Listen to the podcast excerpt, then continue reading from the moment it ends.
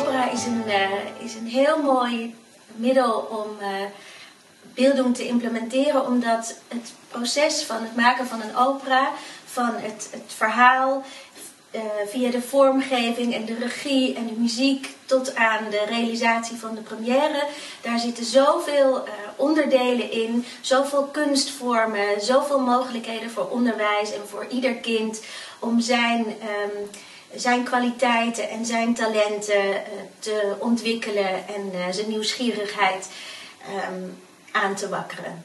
Ja, ik denk omdat opera zoveel facetten in zich draagt en, de muziek zo emotioneel vaak is, maar ook de vormgeving je kan raken, of de regie je kan raken, of het acteerwerk of ballet dat erin voorkomt, of soms uh, circus. Ik denk dat er zoveel elementen zijn die een opera fantastisch maken, dat ook voor leerlingen met een beperking voor iedereen wel een aanknopingspunt zou kunnen zijn om een fantastisch leerproces in gang te zetten.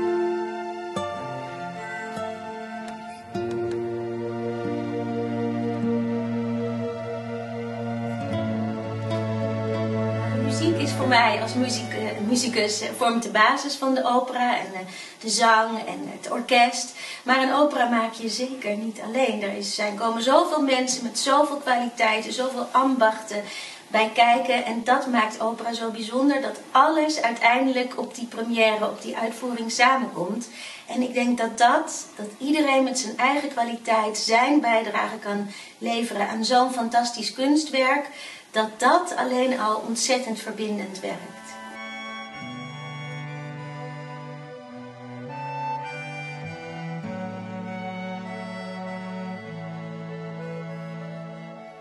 En dat idee dat je zelf iets kunt creëren, dat lijkt mij belangrijk voor het onderwijs.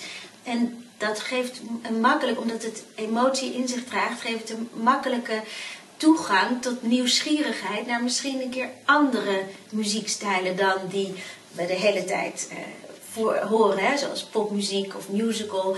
Maar dit geeft een ingang, muziek, om eens te kijken naar, zijn er ook nog andere stijlen? Is er wereldmuziek, klassieke muziek? En die nieuwsgierigheid en dat stimuleren van die nieuwsgierigheid, dat lijkt me voor het onderwijs heel essentieel en voor het gehele cultuuronderwijs. En muziek is bij uitstek een middel om die nieuwsgierigheid naar andere klanken en kleuren en geuren uh, te stimuleren en te ontwikkelen.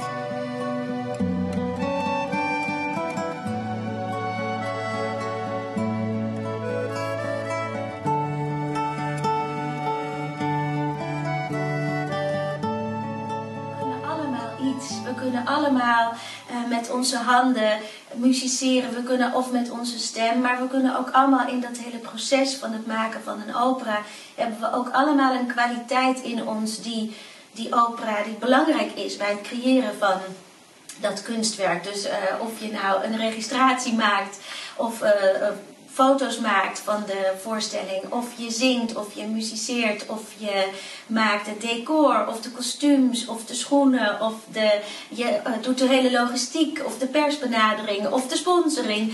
Ik denk dat voor ieder kind heeft een kwaliteit die ze, die, die, die, die kan ontwikkelen bij het, uh, bij het denken over en het ontwikkelen van een opera.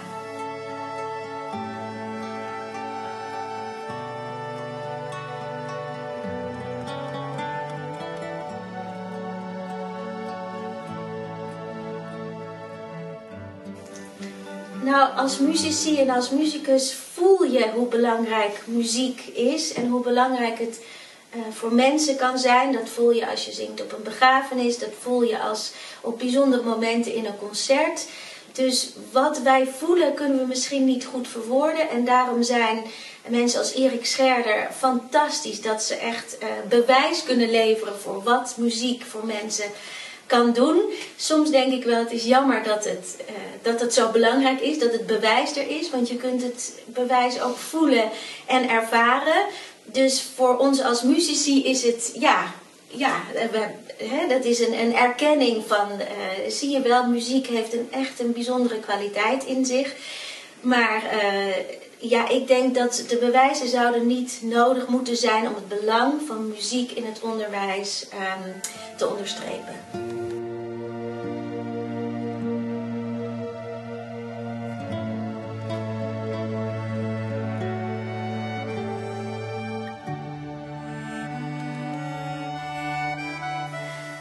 Opera wordt in Nederland als elitair gezien, maar uh, mensen als opera Pietje, die zie ik niet als elitair.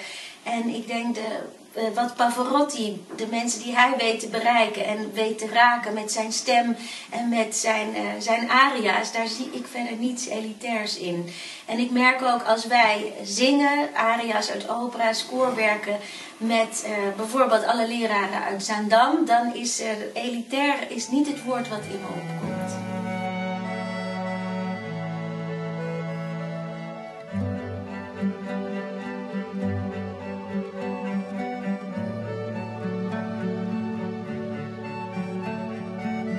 Een kostbare kunstvorm, omdat er zoveel bij komt kijken. Dus de productie van een opera, van het zoeken naar een verhaal tot het werkelijk op het podium brengen, is natuurlijk heel kostbaar. En daardoor zit er een prijskaartje aan het maken van van opera en van het bezoeken van een opera. Maar de kunstvorm zelf is natuurlijk helemaal niet elitair. En als wij uh, opera-aria's zingen met 800 leraren van Stichting Agora in Zaandam, dan is daar helemaal niets elitairs aan. Dus de muziek zelf en de verhalen, de opera's over Feyenoord of over uh, de emoties die we allemaal kennen, daar is niets elitairs aan. Maar natuurlijk is het een dure kunstvorm en daardoor voor niet iedereen altijd eenvoudig te bereiken.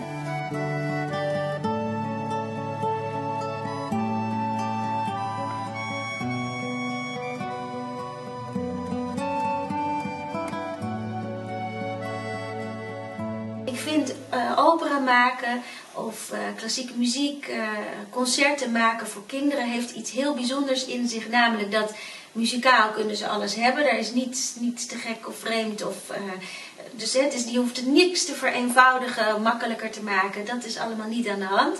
De reacties zijn wel heel direct en heel spontaan en heel uh, uh, emotioneel ja, spontaan. En dat maakt het heel erg bijzonder. Dat je meteen ziet wat het met, uh, met de kinderen doet. En dat er enorme bereidheid is om, om mee te doen, om, uh, om samen te musiceren, om deel uit te maken van wat er op het podium gebeurt. Uh, er is geen schroom, er, is geen, er zijn minder remmingen. ze kennen soms de, de codes niet, gelukkig, van de concertzaal. En dat maakt, maakt de voorstelling die ik maak met uh, Tom Meijer bijvoorbeeld en de opera's die we eerder hebben gemaakt, ook tot feestjes en verrassende feestjes. Want het is altijd anders wat er gebeurt tijdens de voorstelling.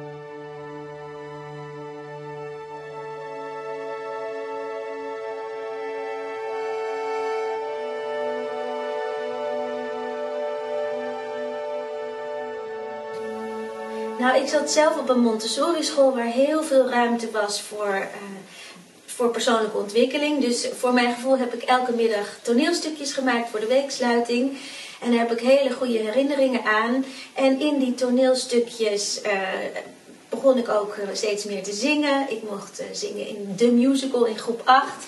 Natuurlijk een fantastische herinnering. Maar ik speelde ook viool. Ik ging met heel veel kinderen van school. Gingen wij allemaal naar de muziekschool. Iedereen koos een instrument.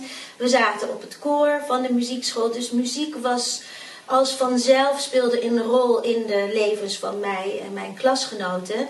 En ik kreeg steeds meer, omdat ik blijkbaar uh, makkelijk zong, kreeg ik steeds meer hoofdrollen. En toen was er een zangdocent die zei: Misschien zou het leuk zijn als je een beetje zangles zou nemen. En zo is mijn liefde voor zingen ontstaan. Ik had ongelooflijk veel lol in die zanglessen en die waren ook ontzettend. Um, vrij en die, die docent zocht echt naar wat, wat ik uh, nodig had en wat, welke muziek ik wilde uh, gaan onderzoeken. En dat bleek steeds meer ook klassieke muziek te zijn.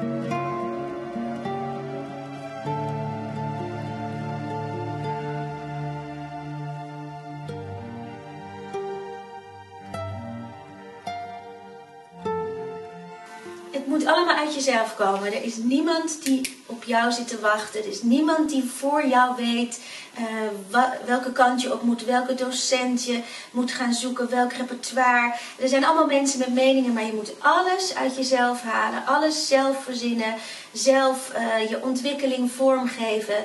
Dus, uh, en je bent ook dag en nacht. Voor een zanger is hè, mijn lichaam is mijn instrument. Dus ik moet goed daar bewust van zijn wat wat ik en mijn lichaam nodig heeft. En dat, die vorm van discipline, die vergt het inderdaad. Een pianist moet veel meer uren studeren. Uh, dat kan een zanger niet, urenlang, maar die is wel uh, van s ochtends vroeg tot s avonds laat. Is zijn, uh, je bent je vak, net als een acteur is een, een zanger. Ja, je bent zo met, je, met jezelf verbonden. Dat, dat is denk ik de discipline van een zanger zijn.